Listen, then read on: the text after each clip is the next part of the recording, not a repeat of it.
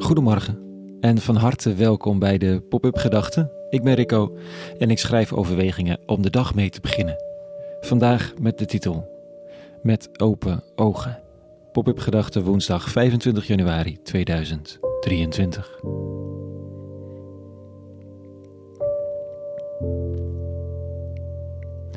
Met open ogen erin tuinen. Het is niet zo moeilijk, want je ziet altijd toch maar beperkt. Met de beste wil van de wereld is er niets aan te doen. Wat we zien is maar een fragment van de werkelijkheid. Ik krijg een mail op poten over een preek die ik heb gehouden. Met zoveel mogelijk rust in mijn vingers stuur ik een mail terug nadat ik het een dag of wat heb laten liggen. Blijkt dat die ander juist het als een heel opgewekte mail bedoeld heeft. Dat als die chagrijnig was geweest, dat er dan een heel ander verhaal was gekomen. Je ziet ook maar een beetje. We hebben iets van een gezonde achterdocht nodig ten opzichte van onze ogen. Of we het allemaal inderdaad wel zo goed gezien hebben. Een voortdurende reflectie.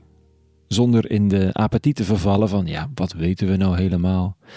Want dat zou ook weer zo zonde zijn. Je ogen zo wantrouwen dat je nergens je meer voor inzet. Want iedereen heeft zo zijn eigen perspectief. En waarom zou het mijne beter, relevanter, zinniger zijn dan het jouwe? Terwijl de wereld mensen nodig heeft die zich inzetten. Of dat nu is voor kwetsbare mensen in je eigen buurt, of dat je zaterdag je aansluit bij de mensen die de A12 gaan blokkeren. Veel toewijding vraagt veel zelfreflectie. Te weinig toewijding doet de vraag reizen of er niet te veel zelfreflectie plaatsvindt. Ga er maar aan staan. In mijn studententijd moest ik een oefenpreek houden voor mijn klasgenoten. Over een tekst waarin een moedige jonge Jonathan een opneemt tegen de vijanden toen ter tijd. En koning Saul angstig en voorzichtig onder een boom blijft zitten. Ik was natuurlijk fan van Jonathan en kwam met een vurig verhaal over actie en liefde en moed. Vroeg een vriend van mij, medestudent, aan het einde van de preek, of ik ook een boodschap had voor Saul nou, dat zinnetje ben ik nooit meer vergeten. In al mijn toewijding was ik een pleidooi aan het voeren voor iedereen die zich moedig voelde of wilde voelen. Maar Saul, en wie zich daarmee kon identificeren, die had ik nul en geen aandacht gegeven. Terwijl, hoe vaak zijn we die personage wel niet? Vandaag in de lezing gaat het ook over een Saul. Eentje met heel veel toewijding, die niet stil kan blijven zitten en zich vurig inzet voor zijn geloofsovertuiging. Zelfs zo grondig dat hij de ketters die Jezus van Nazareth tot hun Messias hebben uitgeroepen, vervolgt en laat opsluiten. Middeleeuwse praktijk, toch? Maar ja, dan veel ouder dan de middeleeuwen. Dan gebeurde dit, zo vertelt hij zelf achteraf.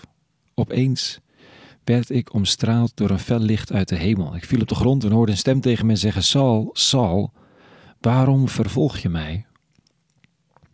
Ik vroeg, uh, wie bent u? En de eeuwige antwoordde, ik ben Jezus van Nazareth die jij vervolgt. De mensen die bij me waren zagen wel het licht, maar hoorden niet de stem van hem die tegen me sprak. Ik vroeg, oh, wat moet ik doen, Heer? En hij zei tegen mij, sta op, ga naar Damascus. Daar krijg je precies te horen wat je opdracht is.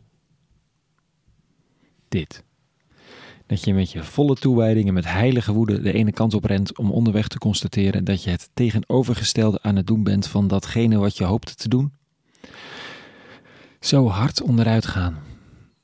Het doet pijn. En toch is het nogal genadig, want wat als die nou nooit van zijn paard gevallen was? Ik word voorzichtig van zo'n tekst. En ik loop nog maar eens het argumentatierondje waarom ik me inzet voor mensen aan de grenzen van Europa. Of waarom ik een andere route neem dan de route waar ik voor ben opgeleid. Waarom ik zo fel kan zijn af en toe.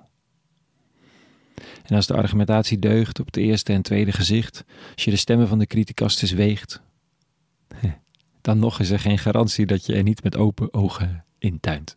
Maar dan is de inzet het waard. Ook al kun je een keer stilgezet worden met een licht uit de hemel of op subtieler wijze. Dat geeft ook niet. Paulus in al zijn toewijding werd van de ene op de andere dag met dezelfde toewijding actief voor degene die hij eerst naar het leven stond. De toewijding blijft, de richting verandert. Onze open ogen garanderen niet dat we het goed hebben. Reflectie, gebed of stilstaan, het zijn essentiële momenten onderweg. En bedenk, als Saulus nooit op weg was gegaan, had hij dan ooit het licht gezien. Tot zover vandaag. Een hele goede woensdag gewenst en vrede. En alle goeds.